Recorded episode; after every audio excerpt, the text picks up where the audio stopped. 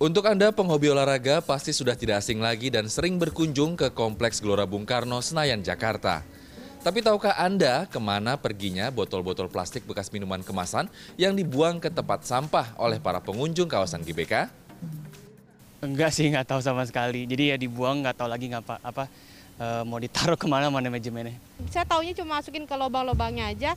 Nah terus kayaknya nanti bakal didaur ulang sesuai bahannya nanti ditaruh di mana. Yang tapi kalau alurnya ke mana saya nggak ngerti. Kalau di GBK terus terang nggak tahu. Memang uh, akhirnya sih semuanya akan dipakai untuk recycle project gitu ya. Tapi kalau di GBK saya nggak tahu. Nggak tahu ya.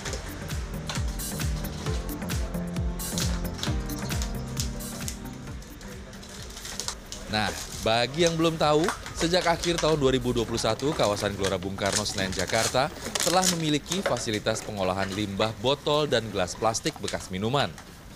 Kita punya pengalaman event-event yang sebelumnya itu banyak orang datang dengan berbondong-bondong bawa minuman, botol minuman dan minumannya itu ya. Sehingga sampah kita penuh dengan sampah plastik.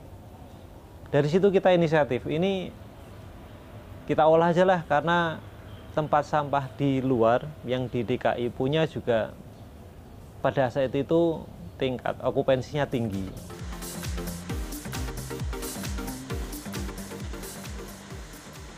Dengan kapasitas mesin yang bisa mendaur ulang 100 kg botol dan gelas plastik per hari, dalam satu bulan fasilitas pengolahan limbah plastik di GBK ini dapat menghasilkan 4 ton cacahan plastik daur ulang.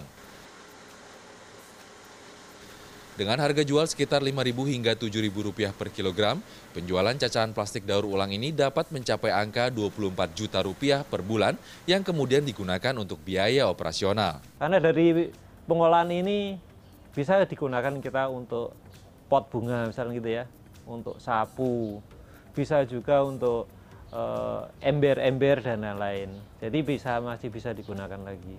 Nah, sebenarnya ini bukan tempat kita untuk melakukan komersial di sampah ini, tetapi ini bagian dari kepedulian kita untuk mengurangi sampah di kawasan kita sendiri.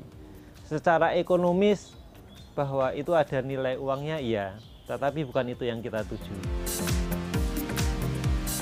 Diharapkan fasilitas pengolahan limbah botol plastik milik kawasan GBK ini dapat memberikan teladan dan juga edukasi pada masyarakat. Selain itu, sebagai bagian dari gaya hidup ramah lingkungan, GBK juga terus mengkampanyekan gerakan bebas styrofoam, kantong plastik, dan sedotan plastik. Erlangga Wisnuaji, Dwi Prastio, Jakarta.